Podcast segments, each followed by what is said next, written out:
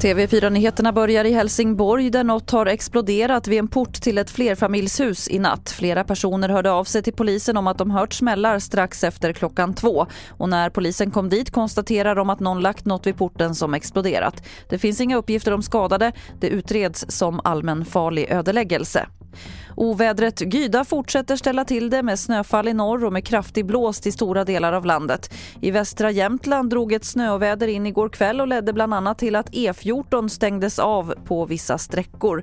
Nu har den kraftiga blåsen dragit söderut och där har Trafikverket beslutat att stoppa tågtrafiken på flera sträckor.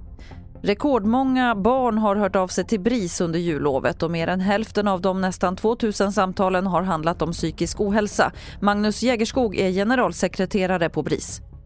Nedstämdhet, ångest har ökat bland många barn och där finns en nära koppling till, till pandemin.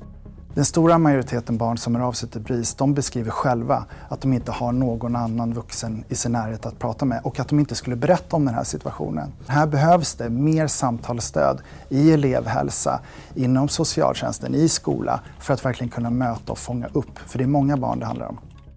Fler nyheter finns på tv4.se. Jag heter Lotta Wall.